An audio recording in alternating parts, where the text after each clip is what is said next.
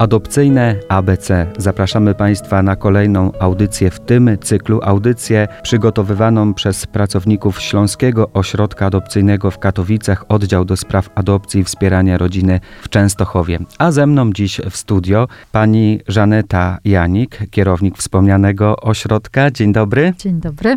I pani Justyna Pietrzyca-Reterska, psycholog pracująca we wspomnianym ośrodku. Dzień dobry. Dzień dobry. Za nami piękne święto rodzin adopcyjnych, taki mini festyn, który odbył się tydzień temu. Dla mnie przepiękne doświadczenie spotkania się z tymi rodzinami, zarejestrowania kilku rozmów, które będziemy Państwu prezentowali także na naszej antenie. Jedno z takich świadectw rodzin mogli Państwo wysłuchać tydzień temu w naszej audycji. Odsyłam też do nagrań archiwalnych na stronie radiajasnagora.pl w zakładce audycje pod literką A jak adopcyjne ABC znajdą Państwo wcześniejsze nasze rozmowy.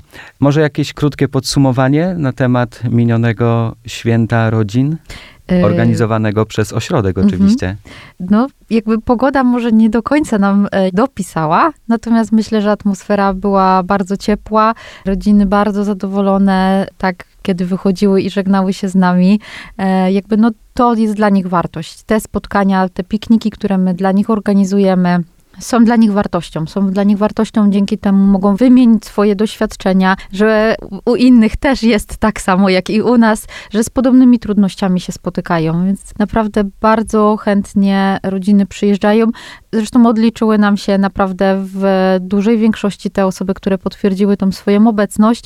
Większość rodzin przyjechała i mimo tej może niekoniecznie pogody takiej piknikowej, a jednak było bardzo, bardzo sympatycznie i bardzo fajnie. Zresztą czego mógł pan też doświadczyć tak. i zaobserwować te nasze rodziny, dzieci, tak, jakie te dzieciaki też są. I do tego piję, że nie sposób było nie zauważyć właśnie radości dzieciaków, szczęśliwych buziek, rozbieganych, angażujących swoich rodziców w różne gry, zabawy. Przepiękny widok. Mhm. No takie spotkanie to też jest takim, tak sobie myślimy i taką mamy nadzieję, że, że dzięki takim spotkaniom e, rodziny doświadczają takiego poczucia no, wspólnoty, tak, że, że jest nas więcej. Na co dzień pewnie nie, nie, nie każda z rodzin adopcyjnych ma w swoim najbliższym środowisku osoby, rodziny, które, które również wychowują adopcyjne dzieci. I to jest taka okazja do spotkania i, i zarówno e, rodziców, ale też dla dzieci, myślę, zwłaszcza takich już bardziej świadomych, tych nieco starszych, to jest bardzo cenne doświadczenie, że widzą, tak namacalnie doświadczają tego, że, że, że takich dzieci, które wychowują się właśnie w takich rodzinach e, jest więcej i, i że, że nie, nie jest to jakaś tylko moja odosobniona sytuacja, tylko, tylko że, że jest to coś, co po prostu jest tak naprawdę coraz bardziej powszechne, coraz częściej się spotykamy z tym. A ja wam dziękuję za to zaproszenie, że mogłem być na tym pikniku, że mogłem poznać te osoby, porozmawiać z nimi, zarejestrować kilka świadectw, które będziemy też cyklicznie w naszych audycjach prezentowali.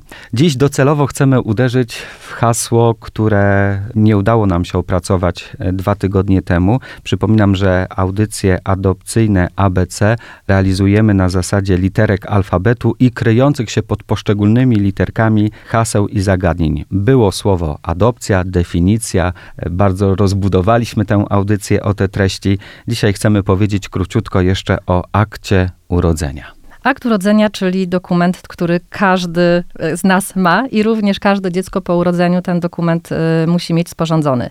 No, w kontekście adopcyjnym warto tutaj powiedzieć o, o takich sytuacjach no, wyjątkowych, o tyle, co jeśli y, rodzice nie dopilnują tego, tego faktu, żeby... Czyli dziecko może się tak. urodzić, a niekoniecznie musi mieć sporządzony akt urodzenia. Dokładnie. Jeśli mamy do czynienia z taką sytuacją, że dziecko zostanie po urodzeniu pozostawione przez rodziców w szpitalu, no to wtedy ten obowiązek jakby zgłoszenia e, dziecka do Urzędu Stanu Cywilnego celem wyrobienia aktu urodzenia, no spoczywa Aha. E, na, tak, na, na, na szpitalu. Czasami chyba może się tak zdarzyć, dzisiaj są te popularne i całe szczęście, że one są okna życia, prawda? I tam mhm. też matki, mhm. rodzice mogą zostawić swoje dziecko i niekoniecznie to dziecko musi mieć akt urodzenia sporządzony. Niekoniecznie i wtedy jakby już e, tutaj jest informacja, idzie do sądu i to sąd jakby wtedy nadaje dane dziecka, czyli będzie imię, nazwisko, przybliżona data urodzenia oczywiście, no bo jeśli nie wiadomo, no to na podstawie danych, które są od lekarza, który określa jakby mniej więcej, ile dziecko, ile dziecko może mieć dni, tygodni, no bo bo to w różnym wieku mogą dzieci trafić, e, może mieć też kilka miesięcy, też, też tak, tak, też takie sytuacje były, więc jakby wtedy e, jest akt urodzenia sporządzany przez sąd, zleca sporządzenie mhm. takiego aktu urodzenia, tak, więc bez tego aktu nie może się rozpocząć procedura adopcyjna dziecka. Nie, musi każdy z nas. To jest jakby dokument, dzięki któremu no, załatwiane są wszelkie formalności, tak, od takich spraw medycznych, no bo tak, u lekarzy, specjalistów y, musimy mieć jakiś dokument i dane muszą być wpisane. Dziecko nie może być jako dziecko nieznane. Y, jest też nadawany PESEL, Urząd Stanu Cywilnego nadaje PESEL dziecku wraz z aktem urodzenia i to jest dokument, na, dzięki któremu wszelkie formalności załatwiamy i bez tego no, nie da rady. No, nie tylko w tym kontekście adopcyjnym tak naprawdę. Akt urodzenia po prostu każdy obywatel musi mieć i nawet jeśli e, ostatecznie jakby sytuacja dziecka nie doprowadza do tego, że jest adoptowane, to i tak jeśli rodzice biologiczni nie zadbali o to, żeby ten dokument e, dziecku wyrobić, no to właśnie, czy, czy to szpital, tak, czy, czy osoby, które jakby opiekują się dzieckiem, tak, zgłaszają ten fakt i, i ten dokument musi po prostu zostać sporządzony. Tak jakby z dziecka. urzędu tak, się, tak, tak, jakby z urzędu jest sporządzany. Raz sporządzony nie może ulec zmianie, to znaczy rodzice adopcyjni nie mogą wnioskować do sądu o to, żeby na przykład zmienić przypisaną datę urodzenia dziecku. Nie, jeśli mówimy tutaj w przypadku adopcji, to jest sporządzany, tak, po adopcji nowy akt urodzenia, o co też jakby rodzina, składając wniosek o przysposobienie, też jakby wnioskuje, czyli o sporządzenie nowego aktu urodzenia, w którym jakby nie możemy zmienić daty i miejsca urodzenia dziecka. To jest jakby rzecz, jest już przypisana, natomiast w miejsce rodziców biologicznych są wpisywane dane rodziców adopcyjnych. Imię można zmienić. Tak, chociaż Coraz rzadziej, myślę, to się zdarza. My też bardzo zwracamy, y, szkoląc rodziny, przygotowując rodziny do adopcji, bardzo zwracamy uwagę na to, żeby jednak uszanować to, że, że, że dziecko ma już jakieś imię nadane, że jest to jakiś kawałek jego historii, jego tożsamości.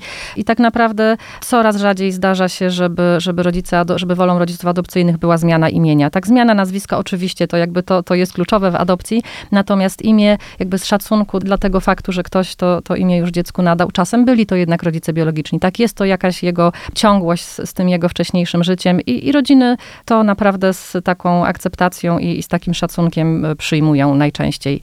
Nie wiem, czy jeszcze jakieś istotne informacje mamy do przekazania w tym e, zagadnieniu taka może też no, różnica w zależności od tego, czy sytuacja dziecka była uregulowana w taki sposób, że rodzice sami zrzekli się tej władzy rodzicielskiej, czy też zostali przez sąd tej władzy pozbawieni.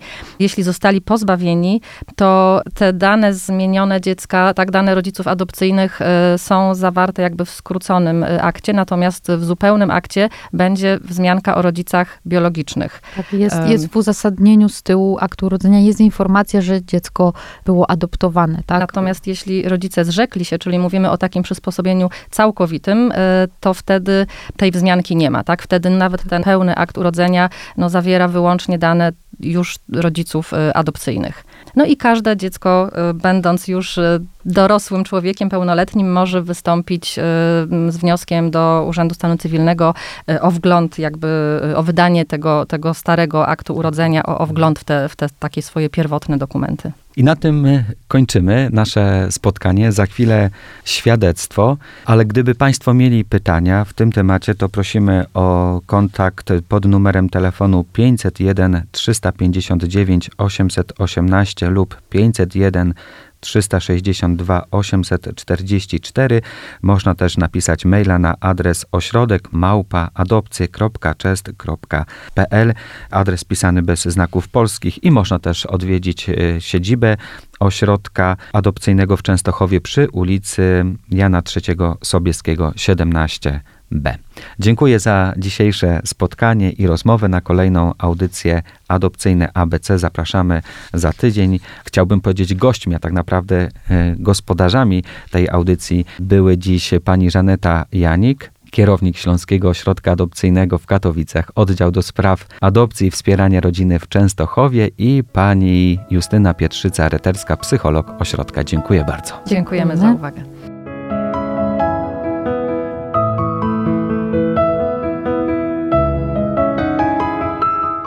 Według mnie adopcją jest danie szczęścia zarówno sobie, czyli małżonkom, jak i, jak i dzieciątku, któremu się daje szansę, ale zarazem też wypełniamy w domu tą lukę, której chyba brakuje nawet i znam osoby, które można powiedzieć już, już zamknęły ten rozdział, bo mają już, już, już zdecydowanie więcej lat i cały czas są sami.